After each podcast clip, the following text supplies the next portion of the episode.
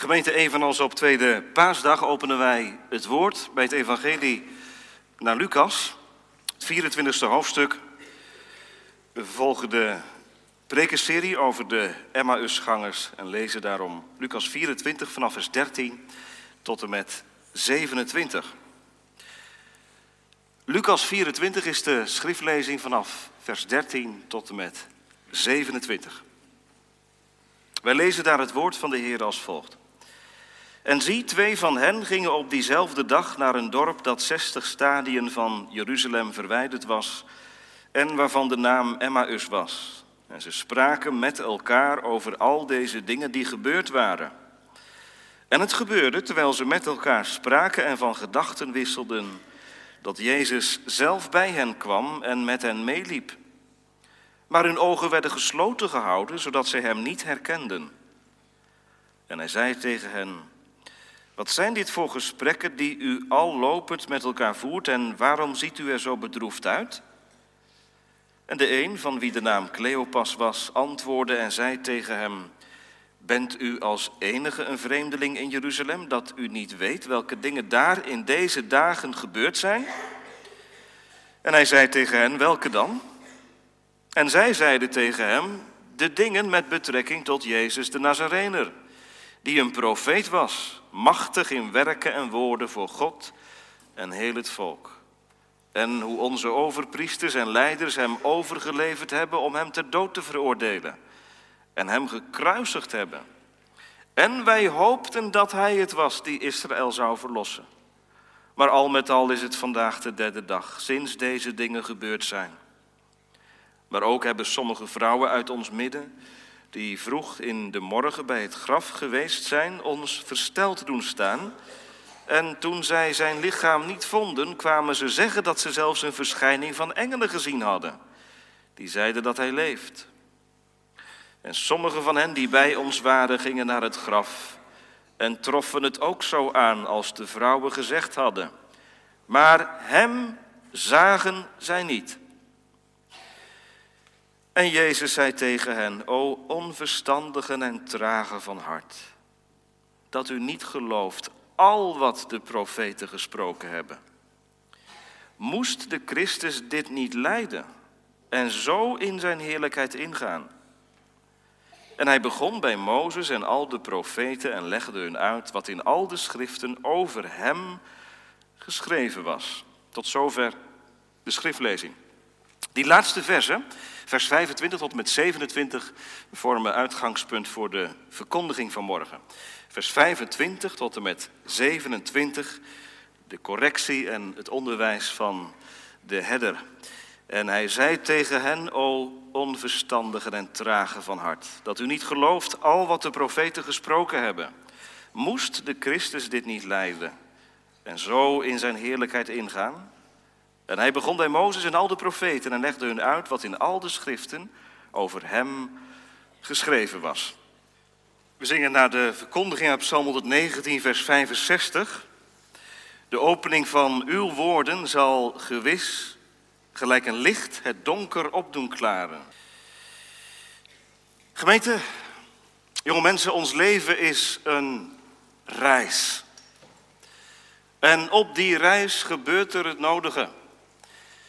Er zijn gebeurtenissen die ons stempelen, die ons vormen, die ons pijn doen zelfs.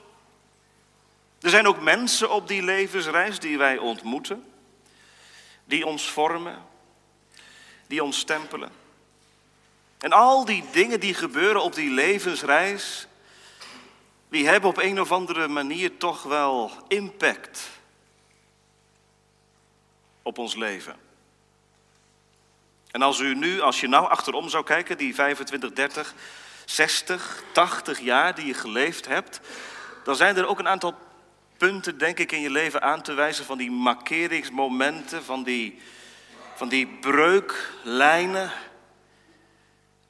die heel nadrukkelijk je getekend hebben. En dat hoeft niet negatief te zijn, dat kan ook positief zijn. En het kan ook nog eens een keer zo zijn dat negatieve dingen toch uiteindelijk een positieve uitwerking hebben. Een geestelijke les in zich bergen. Ons leven is een reis. Wij ontmoeten vanmorgen, net als tweede paasdag, de Emmausgangers die ook onderweg zijn, op reis. Van Jeruzalem naar Emmaus, een paar uur wandelen. En wat er op die wandeling gebeurt, zal van beslissende betekenis zijn voor de rest van hun leven. En dat is het mooiste, gemeente, dat je tijdens je reis ontdekt door wat je leert, ik verdiep, ik leer, ik ontvang geestelijk zoveel zegen, het wordt zo rijk door wat ik hoor. Nou, die Emmausgangers die hebben dat ondervonden.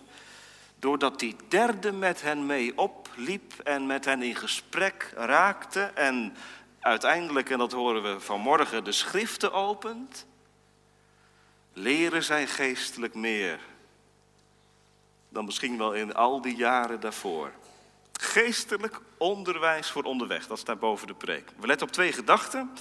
In de eerste plaats hoe Jezus herderlijk corrigeert. Hoe Jezus herderlijk corrigeert, vers 25.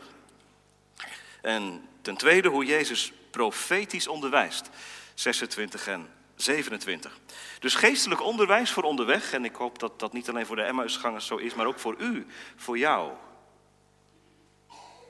Hoe Jezus herderlijk corrigeert en hoe hij profetisch onderwijst. Allereerst dus hoe Jezus herderlijk corrigeert. Gemeente, het lijkt, het lijkt in eerste instantie een heel hardvochtig verwijt. O onverstandige en trage van hart.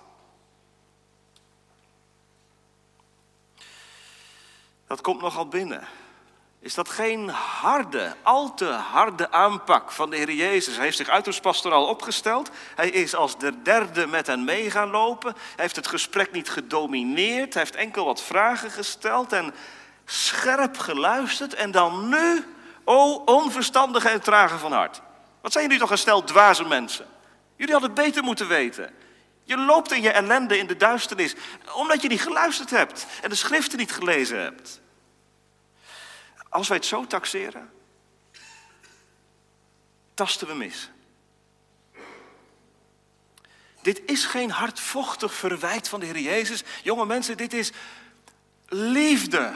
Hier klinkt bewogenheid en misschien ook wel iets van verdriet in door. O onverstandige en trage van hart. Dat is de toon. Hier is een herder die zich ontfermt over twee schapen die zijn weggedwaald. En die met heel zijn herdershart in liefde naast hen loopt en zegt: Oh, ik wil jullie geven wat je ontbreekt. Onverstandig en traag van hart zijn jullie. Het is een herderlijke correctie, een pedagogische maatregel in de lijn van Psalm 23. Hoe bedoelt u? In de lijn van Psalm 23. Daar staat, hij leidt mij in het spoor van de gerechtigheid. Nou kinderen, schapen, eh, misschien ga je deze week wel eh, naar de schaapskooi toe. Hier dichtbij is er een. Heb jij ooit wel eens schapen gezien die keurig netjes in het spoor lopen? Kenmerk van schapen is dat ze dat nou net niet doen. Dat ze ronddwalen en alle kanten opgaan. En de herder moet er echt voortdurend bij zijn. Hij leidt mij in het spoor der gerechtigheid. Dat betekent niet dat het allemaal vanzelf gaat, maar dat de Heer Jezus hier letterlijk dus erbij moet zijn en ze moet sturen, ze corrigeren, af en toe ook een duwtje moet geven. Of, wat ik ergens las, wat vroeger gebeurde, een kluit aarde pakken en dan naar een schaap toewerpen, wat een eindje van de kudde is afgedwaald. Nou, zo'n beest schrikt natuurlijk. Maar het is de schrik ten leven. Het is het opschrikken met de bedoeling om zo'n schaap weer terug te brengen bij de kudde. Nou, zo moet u het lezen. O onverstandig en trage van hart. ik zou het ook nog anders kunnen zeggen. Wat je hier leest is de vervulling van de profetie van Zacharia 13, vers 8. Dat de herder zegt, ik zal mijn hand tot de kleinen wenden, tot de meest kwetsbare schapen van mijn stal. Wend ik mij. Ik zal mijn hand tot de kleinen wenden. Dat doet hij hier. Dit is paaspastoraat, gemeente. De goede herder, de opgestane, de levende, loopt niet alleen mee, maar neemt nu de leiding over op het juiste moment en gaat allereerst corrigeren en dan ook onderwijzen. En dat was echt ook wel nodig. Vorige week hoorden we dat, dat de Emmausgangers zeiden tegen elkaar en ook tegen die derde, wij hoopten dat hij het was. Maar ja, het is niet zo. Het kruis hebben we gezien. Jezus is gestorven, van het kruis afgehaald. Het is voorbij. We dachten dat Hij het was die Israël zou verlossen. Wij hoopten het. Maar al met al is het vandaag de derde dag en dat betekent dat het gewoon voorbij is. Wij hoopten. Ik las deze week, ik hoorde deze week van, van iemand die zei, hier is sprake van rouw. Wij hoopten. Die dierbaren zijn ze kwijt. Mensen die, die een dierbaar familielid, man, vrouw, kind, zich zagen ontvallen, die weten het, wat dat is. Rouwen. De rouw is eigenlijk het laatste lijntje met die persoon die altijd bij je was dat, dat, dat rouwen, dat is als het ware de, de band die er nog is, al is diegene er niet meer. Nou, dat is hier aan de orde. Hier wordt gerouwd. Hij is weg, hij is er niet meer. Vindt u dat vreemd? Dat ik dat zo zeg? Weet u dat dat in het geestelijk leven ook voorkomt? Dat er gerouwd wordt om, om God. Psalm 77.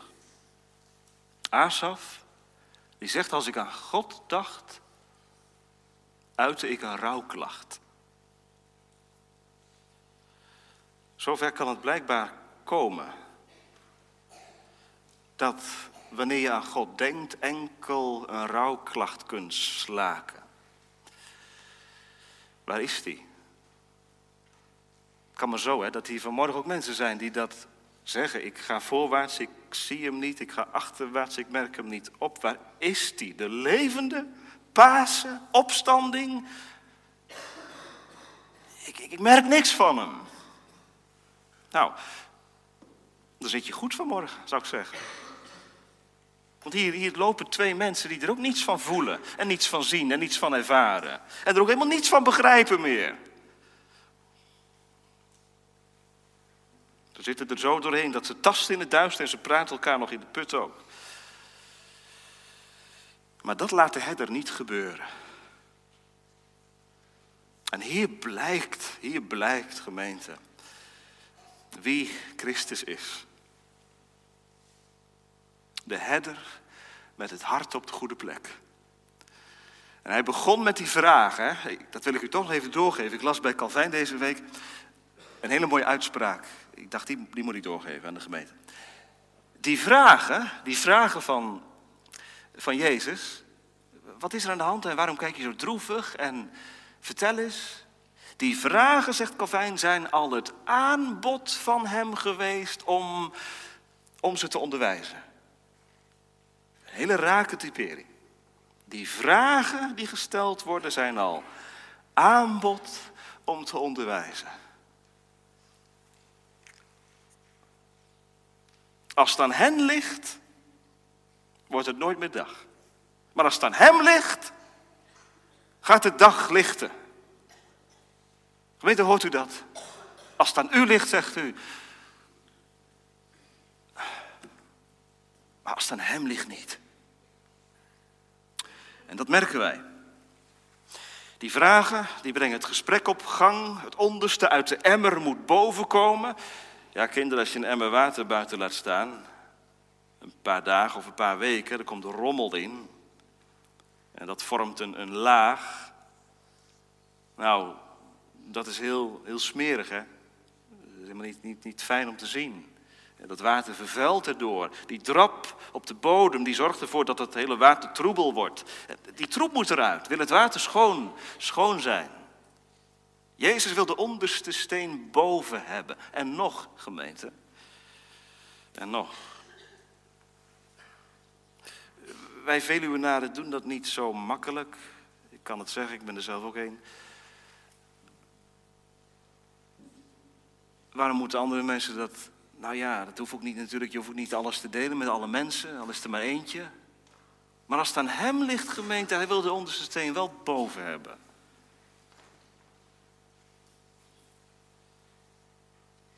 En daar is hij op uit. Ik denk even aan Psalm 10. Dat vinden wij allemaal een hele mooie psalm. Vooral die tekst. Hij aanschouwt de moeite en het verdriet is een tekst die we nog wel eens opschrijven, denk ik, op een kaart. Maar die tekst gaat ook door, hè? Hij aanschouwt de moeite en het verdriet, opdat wij het in zijn handen geven. Hij wil dat zuchten, wat we verborgen houden voor anderen, die worsteling, dat niet begrijpen, horen. Hij wil, hij wil dat ontlokken aan ons. Jonge mensen, zeg het hem. Zeg het hem, waar je mee zit, waar je mee loopt. Wat een belangstelling, wat een inlevingsvermogen van deze pastor met een hoofdletter. Hij is alle wegen van de Emmausgangers gewend, zegt Psalm 139. Een gemeente pastoraat betekent blijkbaar niet dat we dan maar gaan meehuilen. Dat we dan maar gaan meepraten. Jezus heeft zich uiterst pastoraal opgesteld en hij is naast ze gaan lopen. Hij is in het verhaal als het ware gekropen, om zo te zeggen. Maar correctie is blijkbaar ook pastoraal. O onverstandigen. Bedoelt dus ook dat is pastoraat. Het ontleedmes van Jezus is scherp. O onverstandigen en tragen van hart. Wat betekent dat? Domme jongens? Nee. Onverstandige, dat betekent, jullie denken is niet goed. Onverstandig. Jezus zegt twee dingen. Eerst iets over het denken, dan iets over het hart. Onverstandige, dat gaat over je gedachten. En tragen van hart, dat gaat over je, over je hart, over je binnenkant.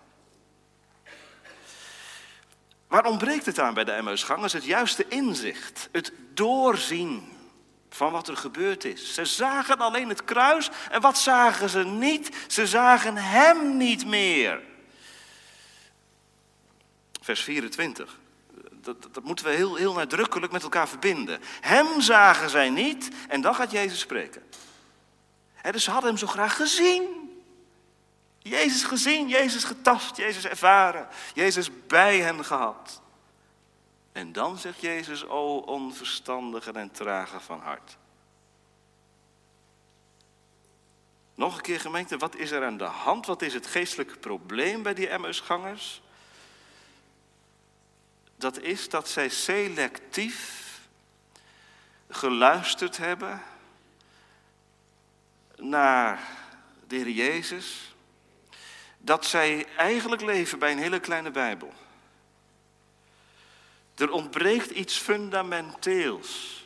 Ze missen het echte doordenken. Ze vertellen geen onwaarheden, die Emmausgangers. Alles wat ze vertellen tegen de Heer Jezus in die versen hier voorafgaand, het zijn allemaal waarheden. Het klopt. Het zijn feiten waar je niks op aan kunt merken.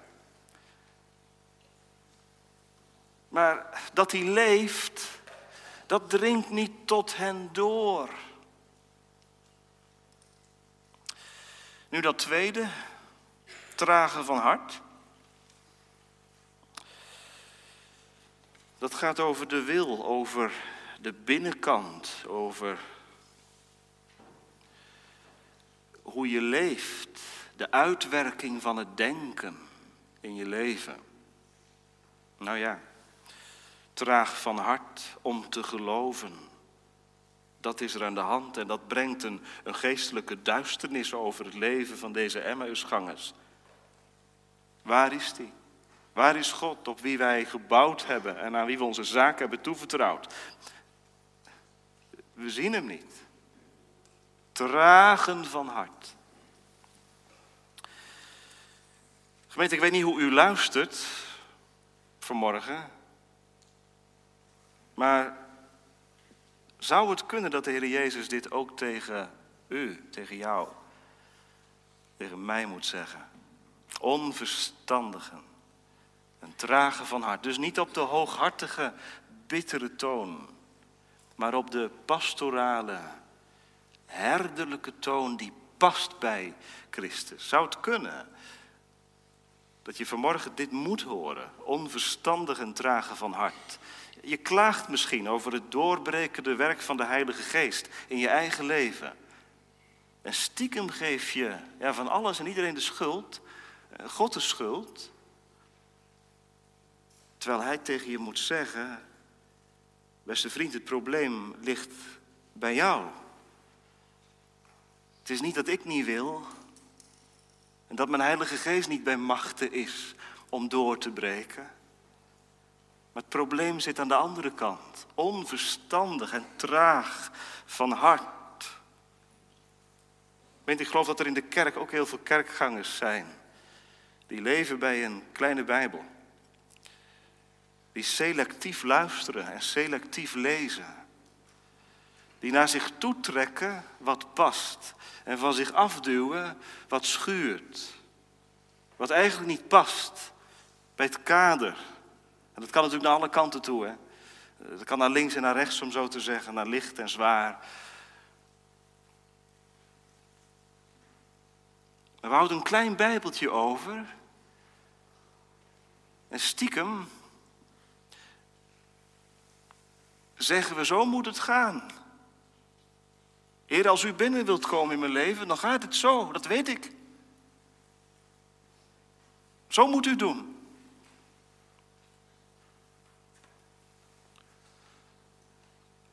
En iemand die met de Heer leeft en zegt, ik, ik zit in het donker, ik voel het niet meer, ik ervaar zo weinig. Waar ligt het probleem? God kan zich terugtrekken, jazeker, hij kan zich verbergen. Maar wat is het probleem? Ligt dat dan aan hem? Als hij zich verbergt, heeft het of een reden in het vasthouden aan zonde, of hij verbergt zich met de bedoeling zich weer te openbaren. Dan is het een geestelijke les.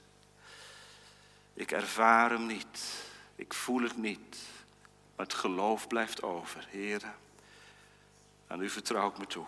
Onverstandige en trage van hart. weet u wat ik hiervan leer van dit gedeelte? Dat een leven het gaat hier over discipelen van de Heer Jezus. Dat een leven in duisternis en twijfel, dat dat niet het kenmerk is van het ware. Dat hoor je nog wel eens zeggen. Het is pas echt als je gaat twijfelen. Dat is de omgekeerde wereld, gemeente. Echt, dat is de omgekeerde wereld. Onverstandige en trage van hart. Ja, maar ik heb moeite met de mensen die het altijd allemaal maar zeker weten en het geloof uit de binnenzak halen. Nou, dat bedoelt de Heer Jezus ook niet. Maakt u zich geen zorgen. Maar hij legt de vinger bij een probleem wat juist mensen die goed op de hoogte zijn van de Bijbel en van alles wat daarin staat, en antwoorden paraat hebben en feitenkennis hebben tot en met, een probleem wat juist die mensen aankleeft. Onverstandigen en tragen van hart. Alles wat aanspreekt, haal je eruit. Alles wat pijn doet, parkeer je. Jezus zegt, dan haal je de duisternis over je heen. En dat ligt aan jezelf. Onverstandigen, tragen van hart. Weet u wat de Heer Jezus wil? Dat staat in Johannes 10. Hij is de goede herder die zijn schapen wil leiden, wil laten uitgaan en weide vinden. Dat heeft hij gezegd. Ik ben de goede herder, mijn schapen die, die laat ik uitgaan en weide vinden. Een leven van overvloed. Dat heeft Heer Jezus bedoeld. Niet een leven van twijfel en klein geloof en onverstandig en tragen van hart. Wat is het pijnpunt bij deze Emmausgangersgemeente? Ze willen iets, maar buiten het woord om. Naast het woord ook de openbaring van de Heer Jezus. Maar hem zagen zij niet, dat was het, vers 24 aan het eind. Hem zagen ze niet. Vorige keer heb ik gezegd, hoe komt het dat de Heer Jezus zichzelf verbergt? Hij had toch ook naar ze toe kunnen komen en zeggen, en hier ben ik. Ik ben uw heil alleen. Doet hij niet. Waarom niet? Omdat deze mensen wat moeten leren. Wij wandelen door het geloof en niet door aanschouwen, Emmausgangers. Niet je ogen, maar je oren. Daar gaat het om. Jezus leert ze om niet te leven bij wat ze voelen en tasten en ervaren, maar bij het geloof. De rechtvaardige, zegt Paulus, zal uit het geloof leven. Nou, gemeente, zo komt Christus vanmorgen tot ons. Hoe staat het ermee?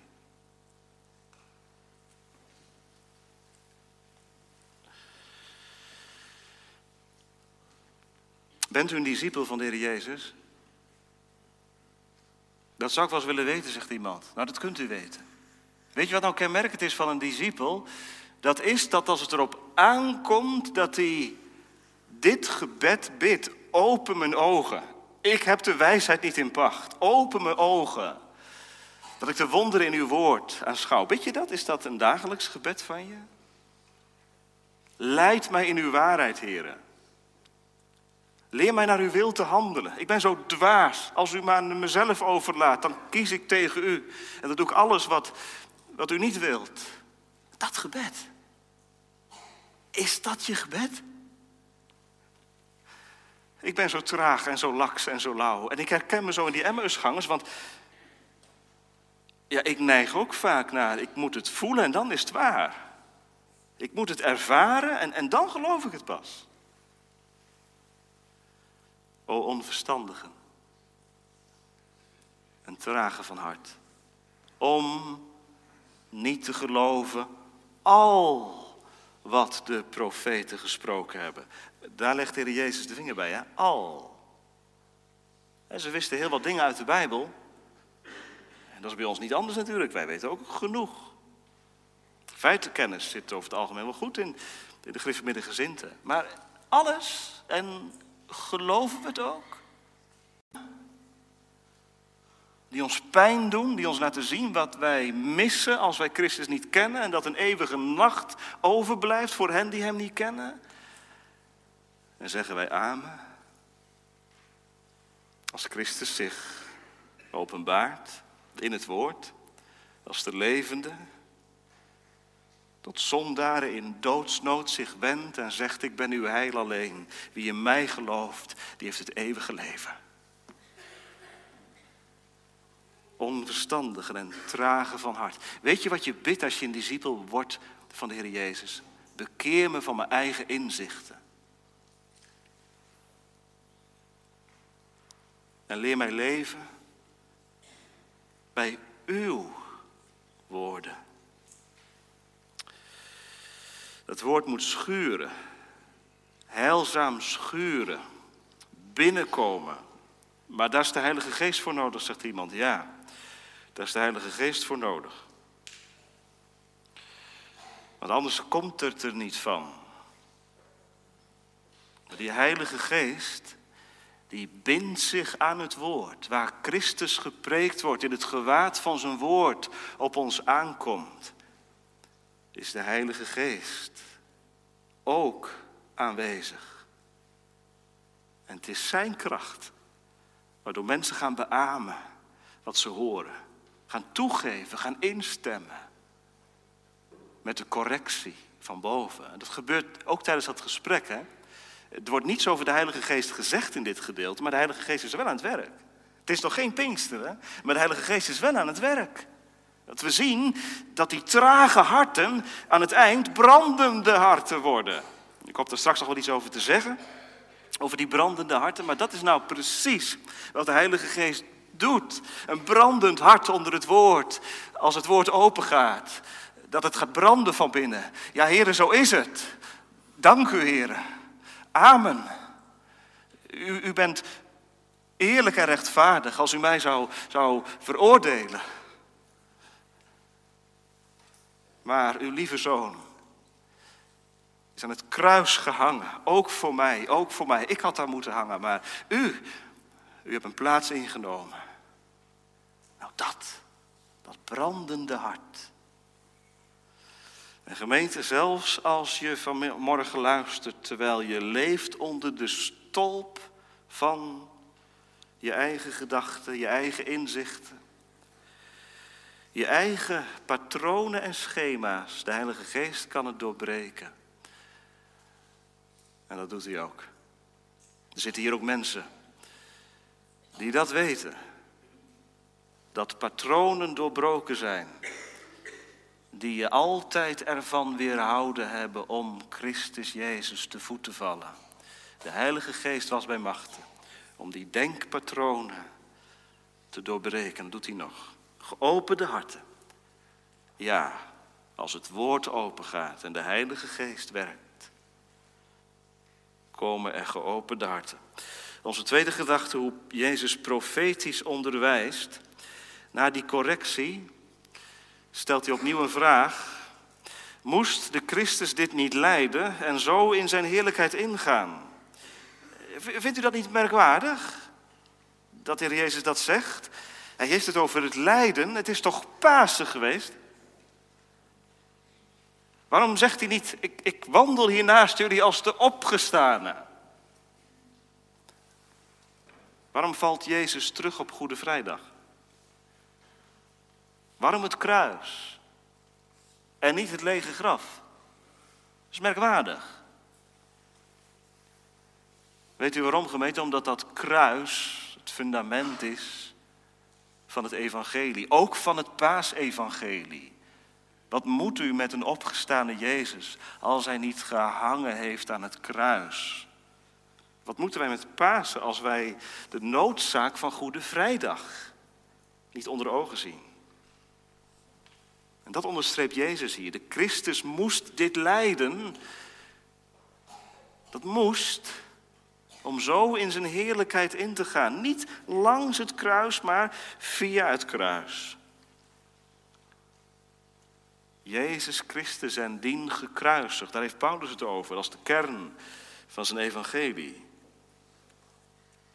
Wat de Heer Jezus doet, is wat wij vandaag de dag zouden noemen het herkaderen van iets. Je kunt een, een boodschap kun je herkaderen door hem in de context te plaatsen. Dan krijgt een boodschap een heel ander, heel andere uh, belichting. Dat doet Jezus hier. Hij plaatst het kruis in het licht van wat gebeurd is van Pasen. Moest de Christus dit niet lijden en zo in zijn heerlijkheid ingaan? Het kruis, gemeente. Ook na Pasen. Niet zeggen, nou ja, dat kruis, dat, dat laten we nou achter ons, nu breekt het nieuwe leven aan. Ja, maar dat is het gekruisigd leven. Het nieuwe leven is het leven met de gekruisigde. Kruis. En weet u, de Heer Jezus vindt harten bij de MS-gangers die daarnaar gaan luisteren. Ze hebben het nergens meer over, ze luisteren alleen maar. En tijdens die wandeling, het vervolg van die wandeling, heeft de Heer Jezus die vraag van vers 26 behandeld. Kinderen, hij heeft eigenlijk, hij heeft ze eigenlijk op school genomen tijdens die wandeling. Dat klinkt misschien een beetje vreemd, maar tijdens de rest van de wandeling heeft de Jezus de vraag beantwoord die hij zelf opwerpt. Kijk maar, hij begon bij Mozes en al de profeten en legde hun uit wat in al de schriften over hem geschreven was. U zegt, ik zou er wel eens bij geweest willen zijn. Om te horen wat de Heer Jezus gezegd zou hebben. Dat, dat staat er niet, maar toch kunnen wij ons daar wel heel wat bij voorstellen. Als de Heer Jezus begonnen is bij Mozes, waar zou hij dan begonnen zijn? Nou, ik geloof dat hij begonnen is bij de moederbelofte. En verteld heeft hoe nodig het was dat er iemand zou moeten komen. Moest de Christus niet komen vanwege de val van Adam en het nageslacht van Adam. Moest de Christus dit niet leiden? Lieve discipelen, ik moest komen. Er was geen andere oplossing mogelijk, denkbaar. Maar na de val is de moederbelofte gekomen. Moest de Christus dit niet leiden? Ja, en zo is een heerlijkheid ingaan. De hiel werd vermorzeld. Maar de kop van de slang is ook vermorzeld. Ik ben de overwinnaar. Het zaad van de vrouw zal overwinnen. Gemeente, misschien heeft u het ook wel gehad over de verlossing uit Egypte. Dat bekende patroon wat de profeten steeds gebruiken. Israël werd bevrijd uit de slavernij door het bloed van het lam, wat aan de deurposten en de bovendorpen van de deuren werd aangebracht. Het bloed moest vloeien, moest de Christus niet lijden. Ja. Hij heeft het gehad over de offerdienst. Waarom moest de offerdienst ingesteld worden? Er was zonde. Er was schuld. Die offers moesten gebracht worden. En ze spraken profetisch van het werk van de Heer Jezus Christus. Hij heeft het gehad over Jezaja 53, de profeten, Mozes en al de profeten. Ja, Jezaja 53 is een belangrijke sleutel. Het lam van God werd ter slacht ingeleid, dat moest. Johannes 5, vers 39. Onderzoek de schriften van Mozes en de profeten, want die zijn het die van mij getuigen van mij. Wat doet de Heer Jezus? Ik zei de vraag beantwoorden, moest de Christus dit niet leiden en zo in zijn heerlijkheid ingaan, maar het ook stellen in het licht van Pasen. Alles wat Christus gedaan heeft, blijft zonder vrucht als het buiten ons blijft. Dan sta je erbij en kijk je ernaar. Maar hij is verrezen, gemeente. Pasen is de garantie dat het kruis evangelie waar is en dat het kruis evangelie levensveranderend is. En dat er voor hem geen hopeloze gevallen zijn. En dat wil de Heer Jezus zo, zo graag bekendmaken aan die Emmausgangers. En ik mag vanmorgen zeggen ook aan u bekendmaken.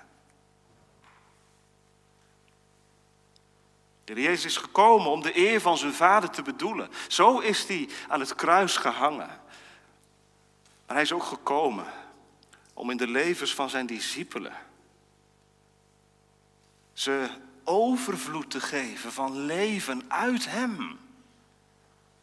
Dat heeft hij ervoor over om direct na de opstanding twee van die dwarse schapen onder handen te nemen. Moeten ze nadenken, gemeente. Er is net omgestaan en wat doet hij dan? Twee van deze dwalende schapen opzoeken en ze bij de kudde terugbrengen. Ze tot de overgave van het geloof bewegen. Ik ben niet zo gewillig. Maar ik verkondig u een gewillige zaligmaker. Moet je het daarvan hebben vanmorgen? Moet je het daarvan hebben? Een gewillige zaligmaker die al vragend en sprekend ons wijst op zichzelf. Hij begon bij Mozes en al de profeten en legde hun uit wat in al de geschriften over hem geschreven staat. Over hem. Gemeente, al lees je honderd keer je Bijbel door. Als je niet uitkomt bij Christus. De Engelsen zeggen, dan mis je de point. Dan, dan mis je de kern over Hem. De Bijbel is een mooi boek. Je kunt de Bijbel op allerlei manieren lezen. Het is een interessant boek. Je leert veel over de geschiedenis, maar jonge mensen, over Hem. Over Hem.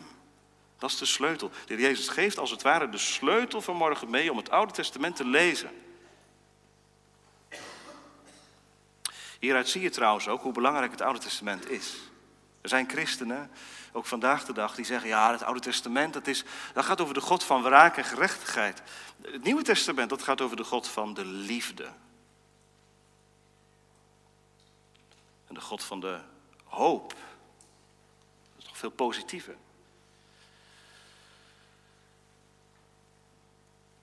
U, kent het verhaal van die kattegezant. Die ook moeite had met het Oude Testament. Tegen haar dominee zei, nou, het Oude Testament. Allemaal van die uh, moeilijke en van die vrede teksten. Nou, zei de dominee, onze God is een verterend vuur. Weet je wat er staat? Ja, het Oude Testament. Nou, blaad maar even mee, Hebreeën 13. Onze God is een verterend vuur, staat in het Nieuwe Testament. We moeten het Oude en Nieuwe Testament niet tegenover elkaar gaan uitspelen. Dan doen we hetzelfde als wat Marcion, een ketter in de tweede eeuw, deed. Die schoof het Oude Testament aan de kant. En ook heel veel van het Nieuwe Testament. En hield een heel klein Bijbeltje over. Het Oude Testament vertelt ons, zegt de Heer Jezus, alles wat over mij geschreven staat. Als het ware zijn eigen legitimatiebewijs toont hij uit de schriften.